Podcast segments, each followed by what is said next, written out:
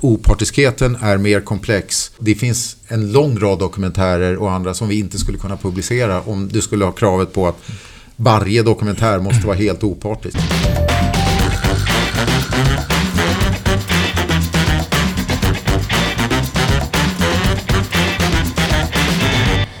Vi ska prata så här med moderna ord senaste tiden. Det är ju de här liksom, filterbubblor och fake news och så vidare. Mm. Det har ju varit på tapeten väldigt, väldigt mycket eh, senaste tiden. men ändå, tittar man liksom lite bredare på det så är det ju ändå någonting som alltid har funnits så länge det har funnits mänsklig civilisation. Jag menar vi, vi, vi hänger ju med de som tycker lika. Det är, jag, det är inte så att man, om jag har en hur länge, jag brukar säga så här skämtsamt ibland när jag föreläser sådär. Hur länge gick du till en fika med din granne som du vet är nazist? Mm. Nej, det gör du inte riktigt. Nej, Nej alltså lever du i en filterbubbla. Du allierar dig med folk som någon sån här delar din världsbild. Som inte är nazister. Till exempel. Som inte delar din världsbild och så vidare. Du allierar dig med de som, som, ja. som tycker ungefär som du. Mm. Och det här liksom med fake news. Ja men det är ju det här man stod och skvallrade om på kyrkbacken förr i tiden och mm. så vidare. Så att det är ju fenomen som alltid har funnits men varför tror du att eller är det ett så stort problem nu? För, för det har trots allt funnits. Och om det nu är det, varför är det Nej, jag, är det ett problem vi måste prata om nu som trots allt ändå alltid har funnits? Människor har en tendens till att vilja leva i filterbubblor. Man dras till människor som, som eh, i någon mening tänker och känner som en själv och sådär. En av de viktiga rollerna för, för en för en journalistisk verksamhet är att utmana de här eh, invanda föreställningarna. Mm. Och här ljuger ju typ nästan alla tror jag människor för sig själva och säger jag älskar att bli provocerad. Jag tycker det är bra när det kommer fram grejer som jag inte håller med om. I, det är lätt att säga. I verkligheten så reagerar nästan alla människor tvärtom. De börjar gapa om att det är osakligt, att det är fel. Det kan vara hur sakligt som helst men man är irriterad på att just det här kommer fram. Det är en annan sida av samma mynt. Att eh, det finns en stark sån här biased, alltså bekräftelsebias, att du vill ha egentligen bekräftelse på din egna världsbild. Och det jag tror skakade om mediehus möjligen i den här debatten om filterbubblor var ju att man har sett sig själva som en motpol till med filterbubblor i jättehög utsträckning. I verkligheten visar det sig nog att det, det är en typ av filterbubbla, eh, det som, det som eh, medier har, har eh, har utgjort. Eh, det tror jag stämmer i hög utsträckning. Mm. Eh, om, om du tittar på de verkliga drivkrafterna till varför läser jag just Svenska Dagbladet eller Dagens Nyheter så har du sympatiserar med någonting förmodligen. Men vid sidan av det, och det är viktigt att säga tycker jag, så är att journalistiken ska inte ta hänsyn till det. Det kan opinionssidorna göra och eh, därför att du är liberalt tänkande eller konservativt tänkande så vill du ha din världsbild bekräftad där. Men journalistiken har alltid berömt sig för att utmana det alldeles oavsett vad tidningens opinionsbildande delar gör. När filterbubbledebatten kommer så ser man ju att det här är en styggelse därför att journalistiken utgör, men då utbryter en liksom nästan filosofisk debatt att är det inte så att själva nyhetsvärderingen i sig är en filterbubbla? Alltså varför tycker vi att vissa frågor är viktiga och andra inte? Eh, ja, men titta på Rapport. Varför väljer vi ut just de här tre toppnyheterna precis. och inte tre andra? Nej, ja, precis. Det, är, och då, det kan man ju i filosofisk mening kalla en typ av filterbubbla. Ja. Men jag mm. vet inte, någonstans där tappar den debatten mig och eh, jag är heller inte... Det som jag är bekymrad över med sociala medier är en massa saker. Men filterbubblor är i allt mindre utsträckning en av dem. Därför att där tror jag att du har rätt. Det är ett allmänmänskligt beteende att söka bekräftelse på sin världsbild. Det som är problemet med sociala medier är ett annat och det är den polariserande kraften. Alltså att det driver människor ut i, i eh, eh jag håller på att säga vansinne och jag tror att jag säger vansinne. Alltså det driver människor ut i så extrema åsiktsdelar. Eh, vi kan liksom, eh, mitt favoritexempel med det är, jag, jag kör motorcykel.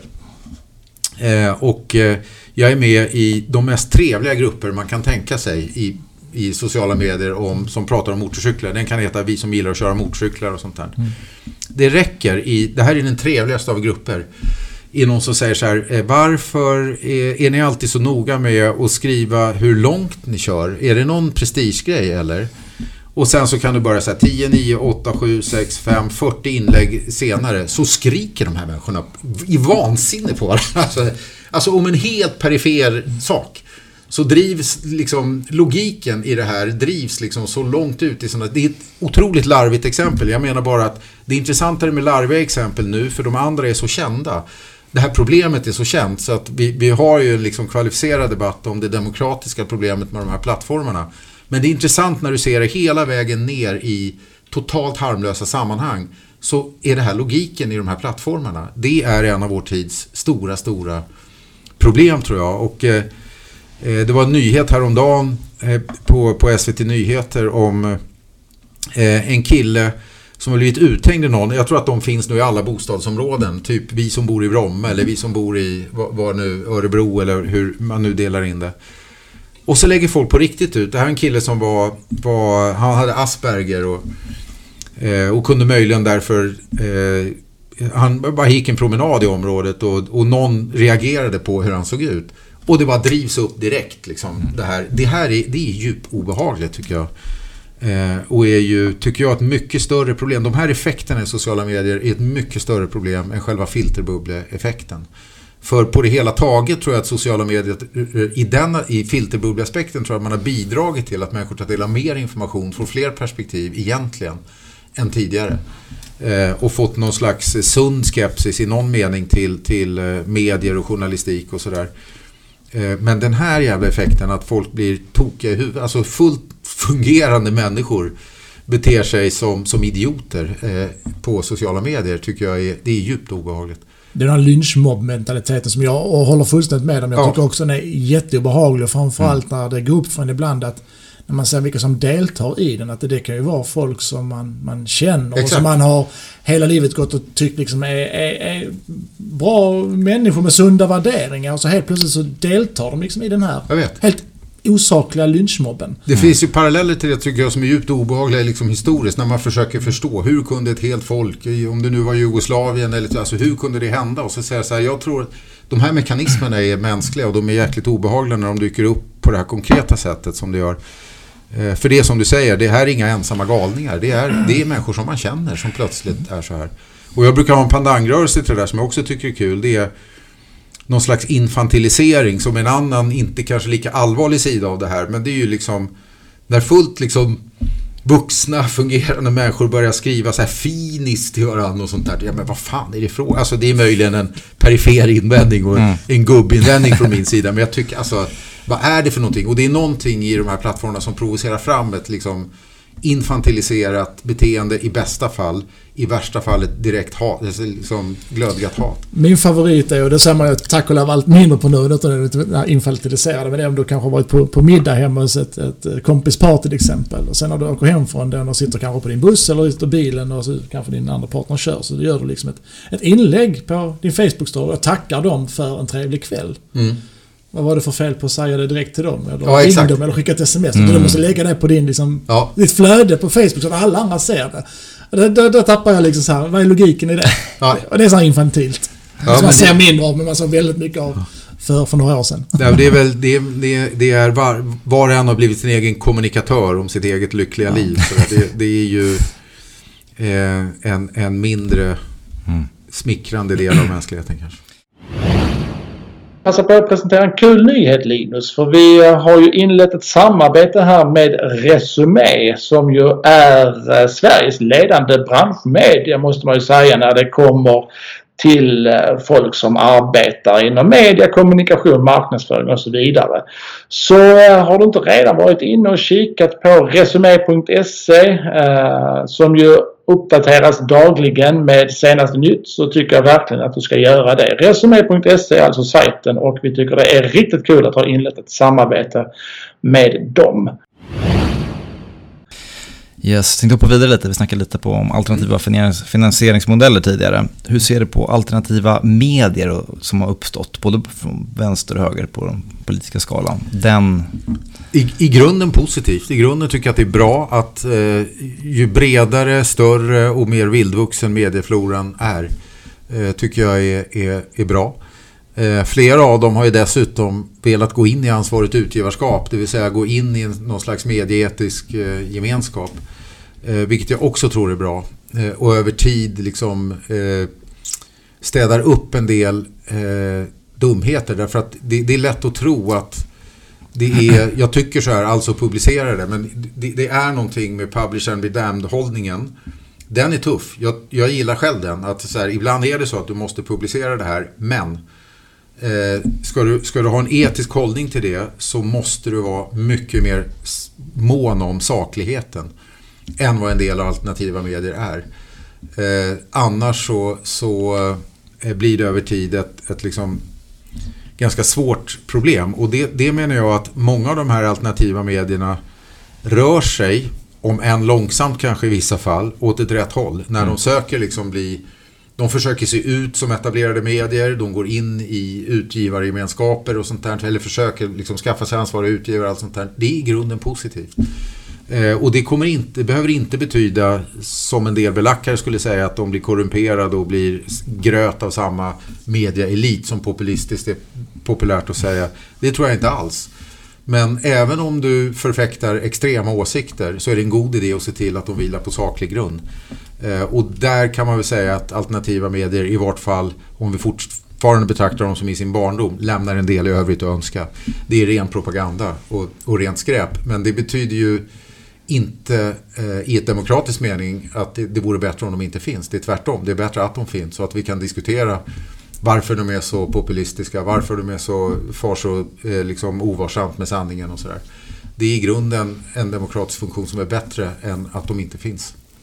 Ja, för jag, där har jag också landat i någonstans att det är väl det som, som är en demokrati också. Att det ska vara lite, vad ska man säga, polariserat i en sund mening. Det får ja. inte liksom gå till överdrifter men att vi får väl leva med, så länge vi vill ha ett demokratiskt samhälle så kommer vi ha ett polariserat samhälle också. För att vi kommer inte tycka lika om saker. Det är väl den dag när, när alla tycker precis lika och vi blir väldigt homogena som man kanske ska bli lite nervös och rädd.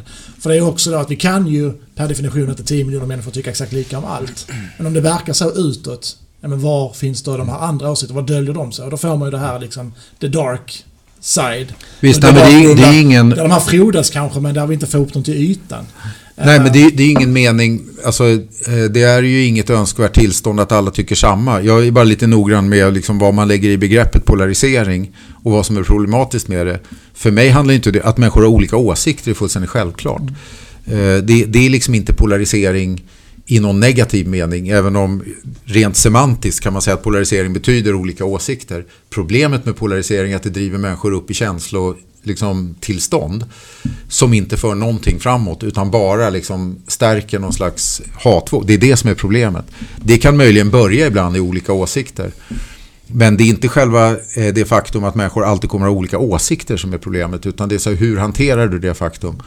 Eh, och det, det är det jag tror är, är, är eh, är den viktiga poängen med det. Och, ja, slår, du den, slår du den som tycker annorlunda där på käften eller ja accepterar du att nej, men du tycker olika som mig, jag håller inte med mig, jag kan mm. till och med bli rent förbannad på dig, men det är okej. Okay. Ja, visst, och då menar jag så här, hur extrema åsikter du än hyser åt vänster eller höger så är det en bra idé att när du argumenterar för dem att de vilar på saklig grund. För det går att göra, också i åsiktsjournalistik går det att vila på saklig grund. Och där har väl, utan att nämna namn, men en del alternativa medier varit oförsiktiga.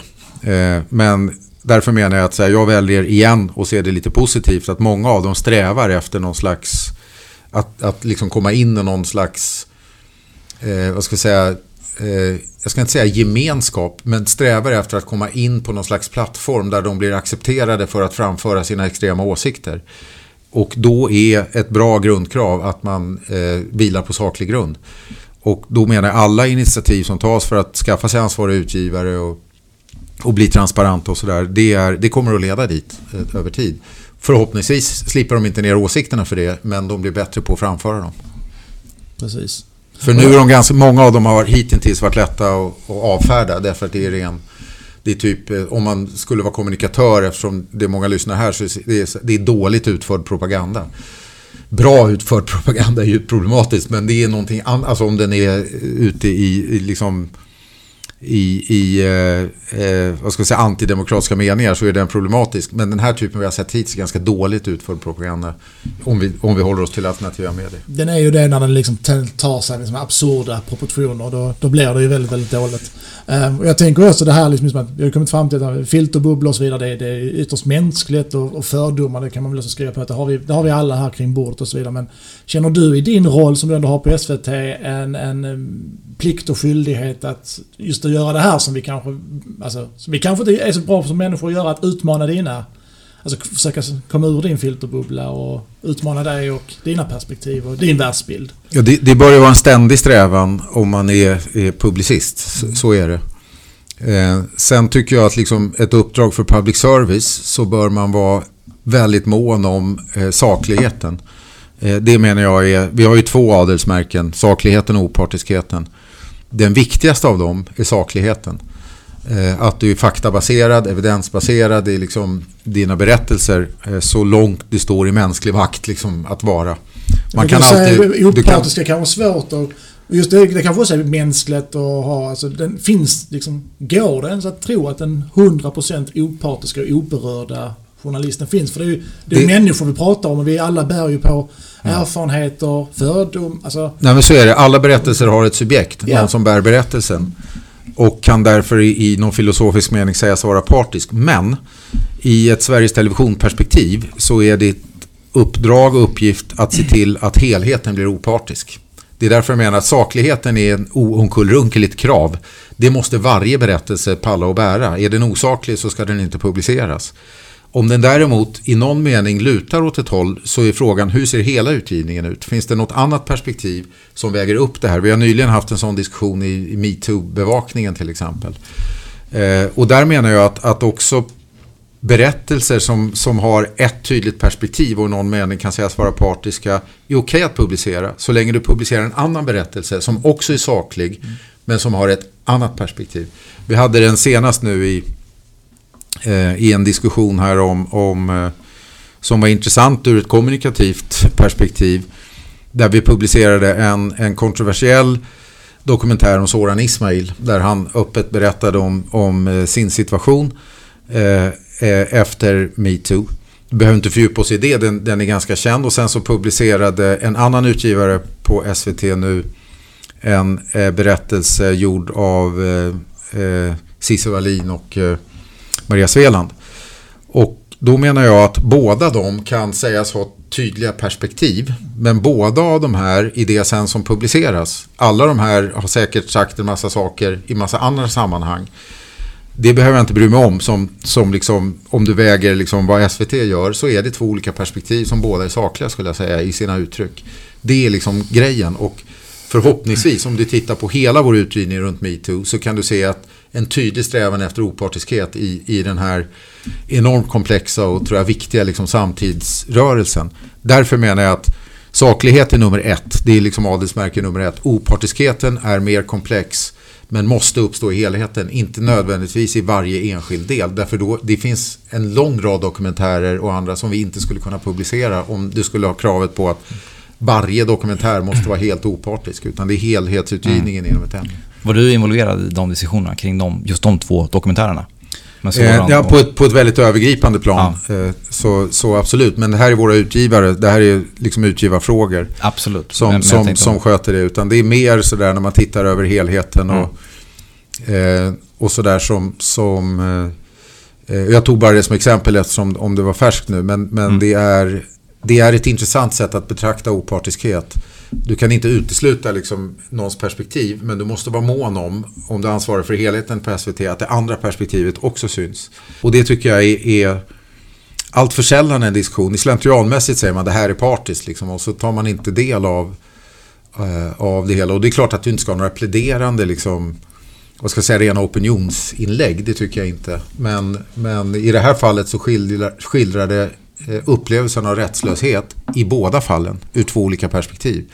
Dels ur kvinnornas perspektiv i det senaste fallet och där de faktiskt i den här dokumentären bara pratar om sin, sin eh, upplevelse av att vara rättslös.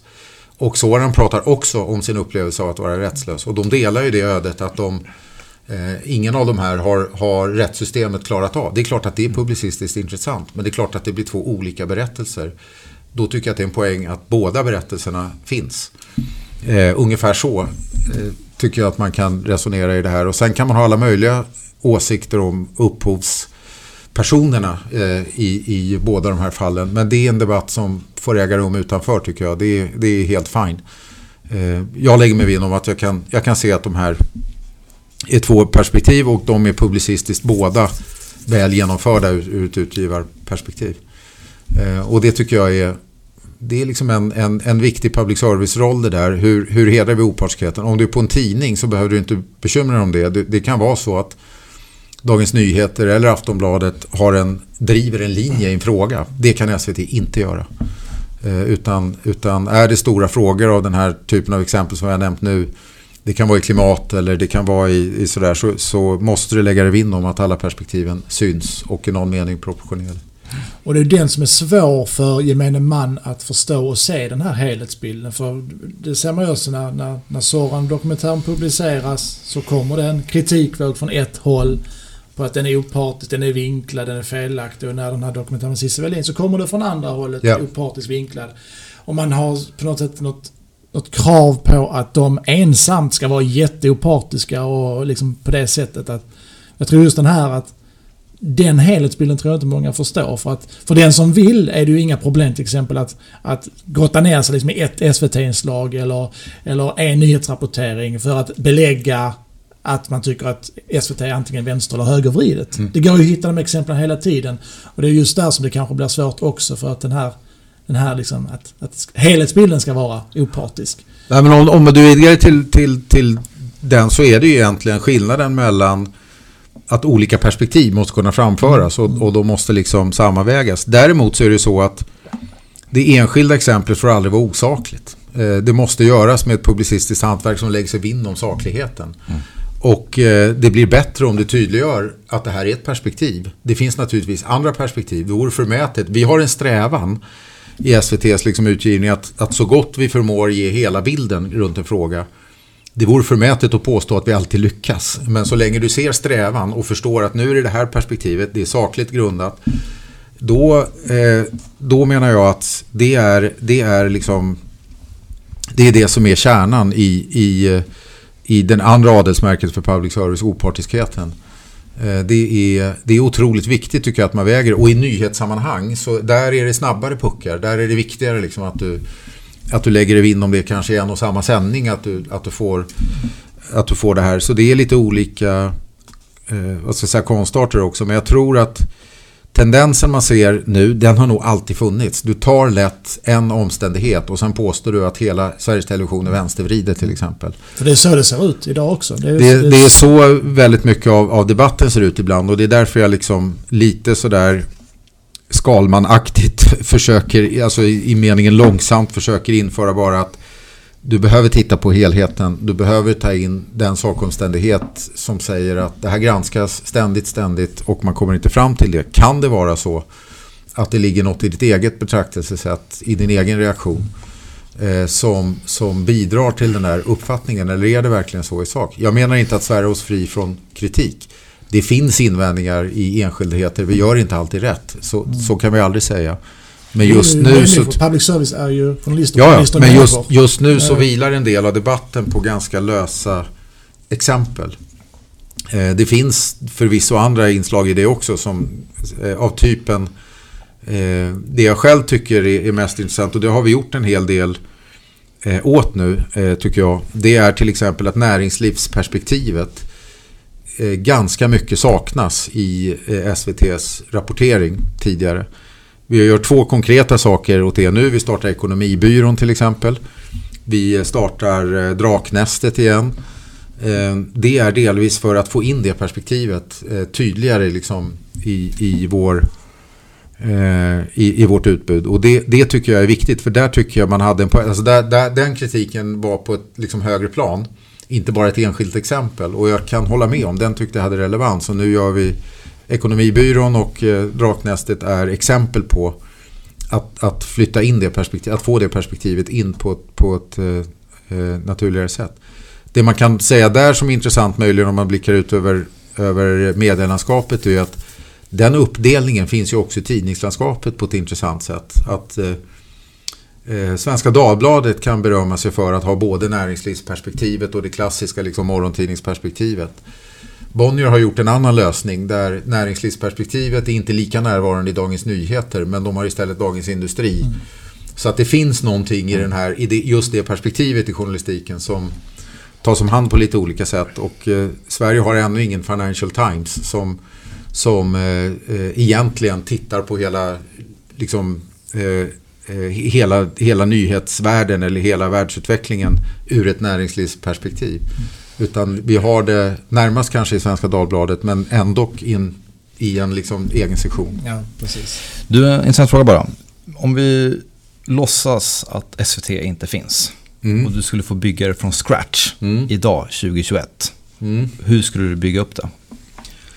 Ja, det är en intressant fråga. Jag skulle ju definitivt eh, åt, alltså bygga ett public service eh, utifrån ett eh, Ja, eller public service då. Ja, exakt. Ett eh, utbudsperspektiv, alltså innehållsperspektiv. Det måste vara det som är meningen med public service. Men det här är lite stökigt i diskussionen om public service eftersom public service uppstår. Eh, då är vi tillbaka till hur BBC uppstod. Jag kan ta den kort. BBC uppstår ju eh, som ett konsortium av radiotillverkare. Därför att det kommit liksom en helt ny teknologi, broadcast, som är fruktansvärt stark. Det uppstår ett starkt intresse från statsmakterna för man är rädd för den här nya eh, otroligt kraftfulla liksom, distributionsformen. Vad gör vi om vi inte liksom, eh, på något sätt får en kontroll över det här? Och så uppstår egentligen, och så bildar man det här konsortiet som, som uppstår ur en teknologi egentligen. Eh, sen blir det där, eh, den teknologin privatiseras ju sen och det tas liksom Ja, det, det löser sig på något sätt om vi snabbspolar fram lite grann. Men idag så är vi i en ny brytning egentligen där public service fortfarande regleras utifrån broadcast, utifrån marknätet bokstavligen. Det är den teknologi på vilket sändningstillståndet vilar. Det förstår ju var och en var idag att det där är helt obsolet. Det, är inte där, det kan inte vara därför public service ska finnas, därför att det, det ska finnas ett politiskt ramverk runt eh, distributionen via ett marknät. Mindre än 25 procent av SVTs tittare är idag beroende av marknätet för att ta del av SVT. Så redan där har liksom, redan bara på distributionsperspektivet så har det sprungit ifrån liksom att vara relevant. Så skulle man starta ett public service idag så skulle du nog se vad är det i, i utbudsdelarna som är viktigt. Varför behöver public service finnas i utbudsdelarna? Och det låter då möjligen för en del förhoppningsfulla som att jag är på väg in i ett resonemang om ett mindre public service och ett mer exakt eller eh, public service som bara gör den här uppgiften.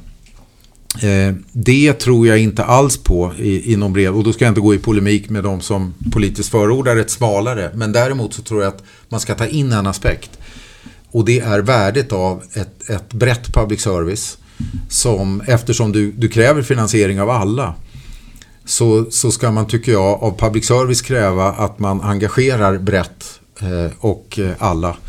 Eh, och det finns förvisso många sätt att göra det och det kan man lämna till debatten och se hur det ska göras. Men någonstans där skulle jag börjat en diskussion om ett, ett public service som startar från scratch.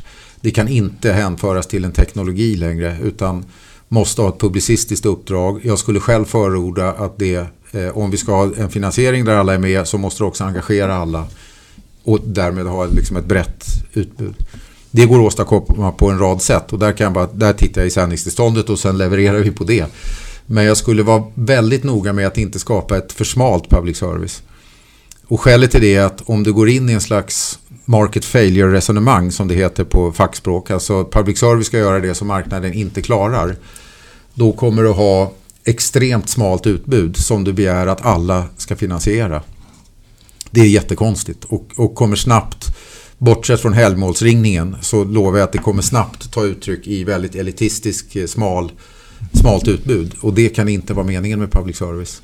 Jag gissar att det är dina argument också för de som till exempel frågasätter varför public service ska köra Melodifestivalen. Det kan väl kommersiella aktörer ta hand om. Det Precis. skulle gärna skattepengar gå till till exempel. Men jag gissar att det är, då är du dina, ditt svar på dem.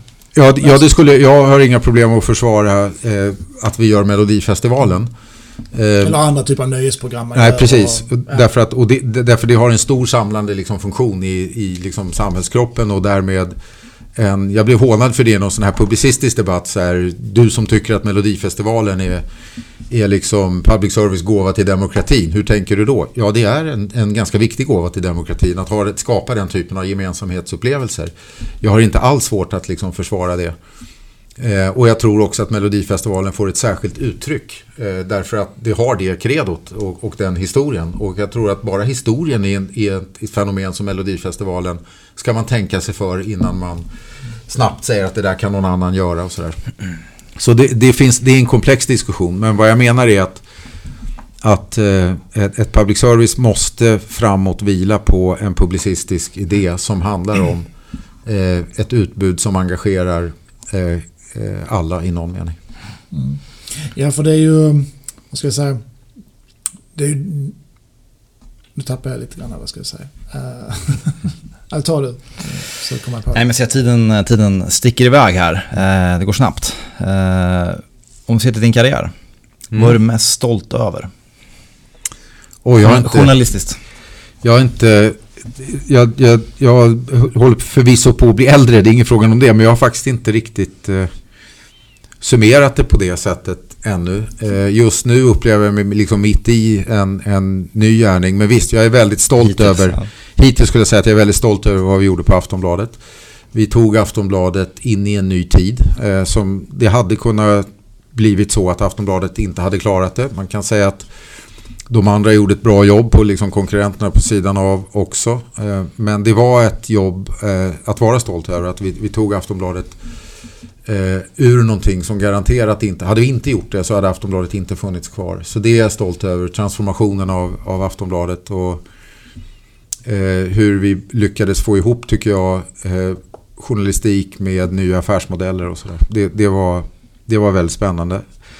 Eh, jag önskar att jag kunde säga mer om min journalistiska gärning.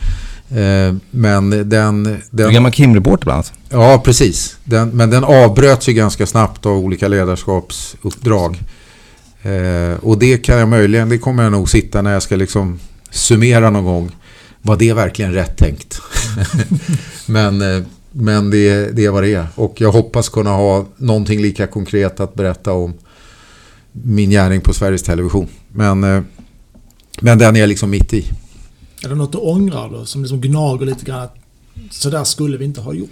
Det kan ju vara ett publicistiskt beslut eller någonting annat som... som... Jo, men det, om, man, om man gräver i det finns det garanterat sånt, absolut. Ja, eller eh. något som kommer upp, poppar upp liksom, ändå när jag ställer frågan. Som, som ligger närmare, som finns där vid ytan liksom. Eh, det är liksom inget jag går och ältar sådär, men jag kan ge dig ett exempel där eh, Eh, vi eh, hade, vad ska jag säga, komprometterande uppgifter om eh, Sveriges arbetsmarknadsminister, Sven-Otto Littorin.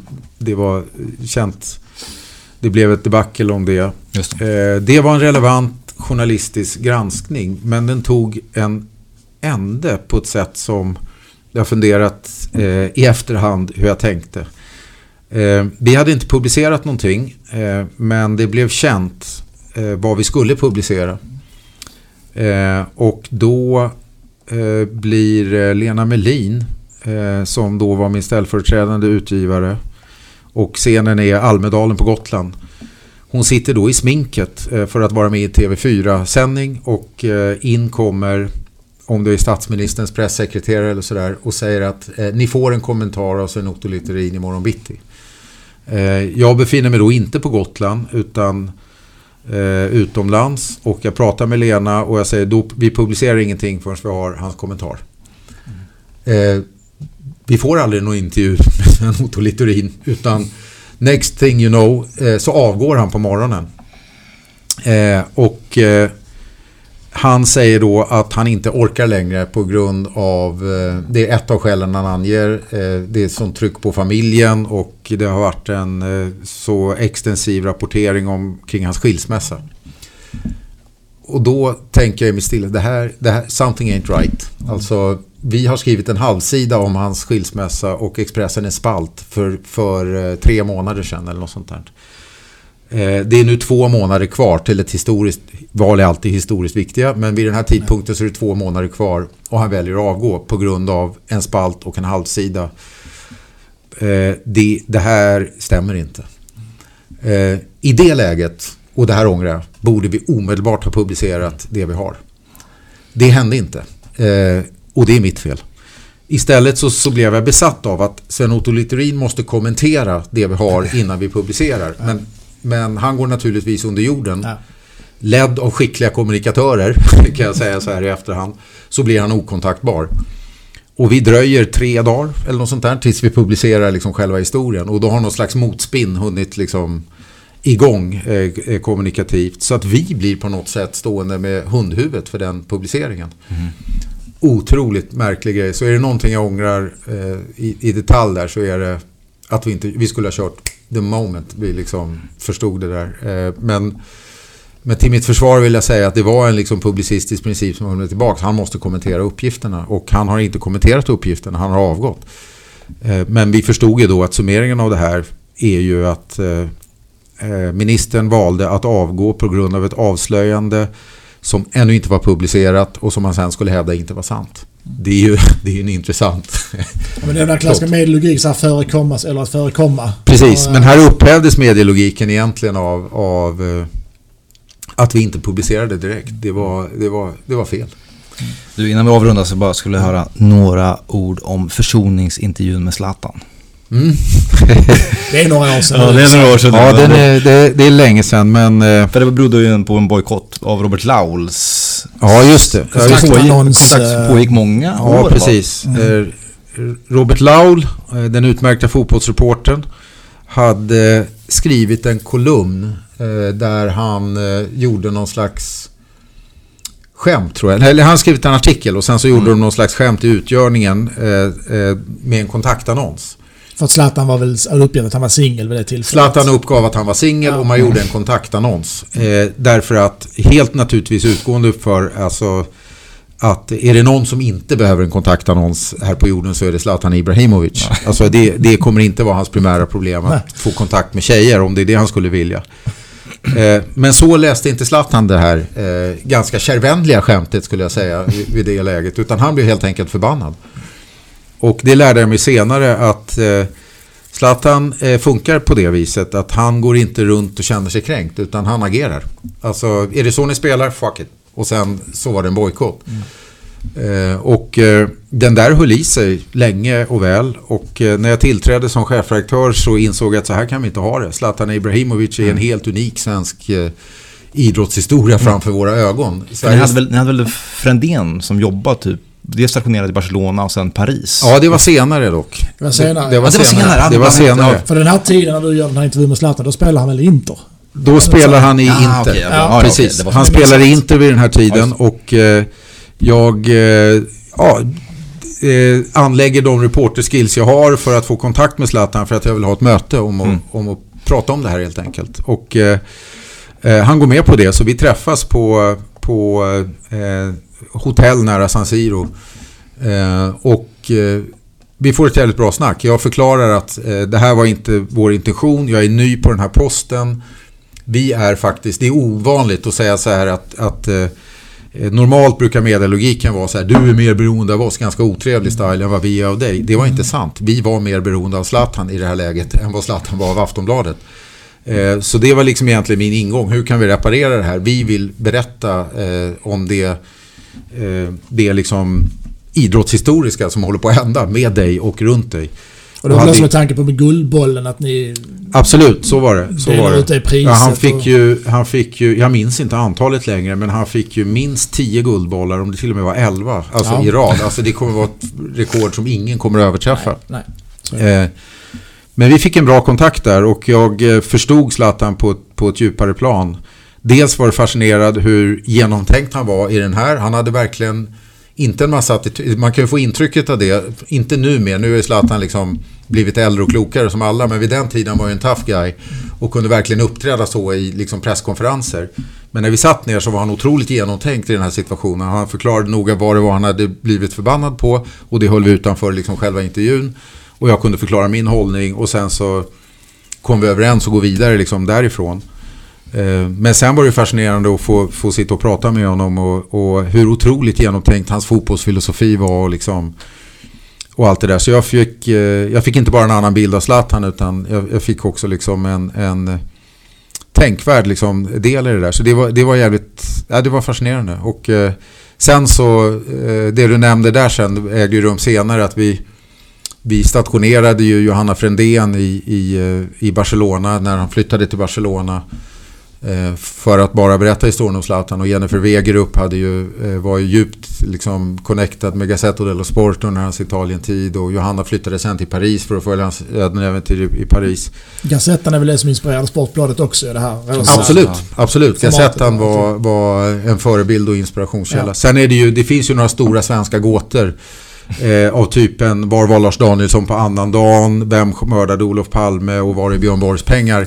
Till dem vill jag foga vem kom på Sportbladet. Det är sådär... Eh, eh, sanningen är väl att... Och jag kan spekulera kring detta för jag kan säga att det var inte jag. Eh, det skedde under Anders Edins tid och jag skulle nog vilja säga att det var Lasse Östling, dåvarande sportchefen, som var drivande. Men det jag fanns jobbat, fler. Jobbat, för, jobbat hos honom, Lasse Östling. Ja. Och till och med... Ja, jag, jag skulle säga att Lasse Östling är the founding father av Sportbladet. Benäget bistånd av Sverker Stadius och andra som var involverade vid den där tiden. Och nu missar jag att nämna en massa, men, men, eh, men absolut. Och en av förebilderna var ju naturligtvis Gazzetto dello Sport, den rosa. Precis. Ja, nej, men vi har ju Ja. suttit och pratat nu här i... Ja, vi kan sitta och eh, prata hela kvällen känns det som. Nej men... ja, Det är ju fantastiskt roligt att prata om. Du drog ut en tand också så du... Ja, precis. så du har precis. Jag, har inte varit, jag har inte varit i mitt bästa form. Förmodligen lite surrig och sluddrig för att jag Ja, det jävla låter jättebra. Vi var bara barmhärtiga med dig. Ja, Yes. Nej men tusen tack Jan att du ville ställa upp. Jag uppskattar det väldigt mycket. tack själva. Och det var Det var superintressant. tack. Tack så mycket. Och vi är tillbaka igen eh, onsdag nästa vecka med ett eh, nytt avsnitt. Det är vi. Ha det bra. Tack. Hej då. Hej! Hej då.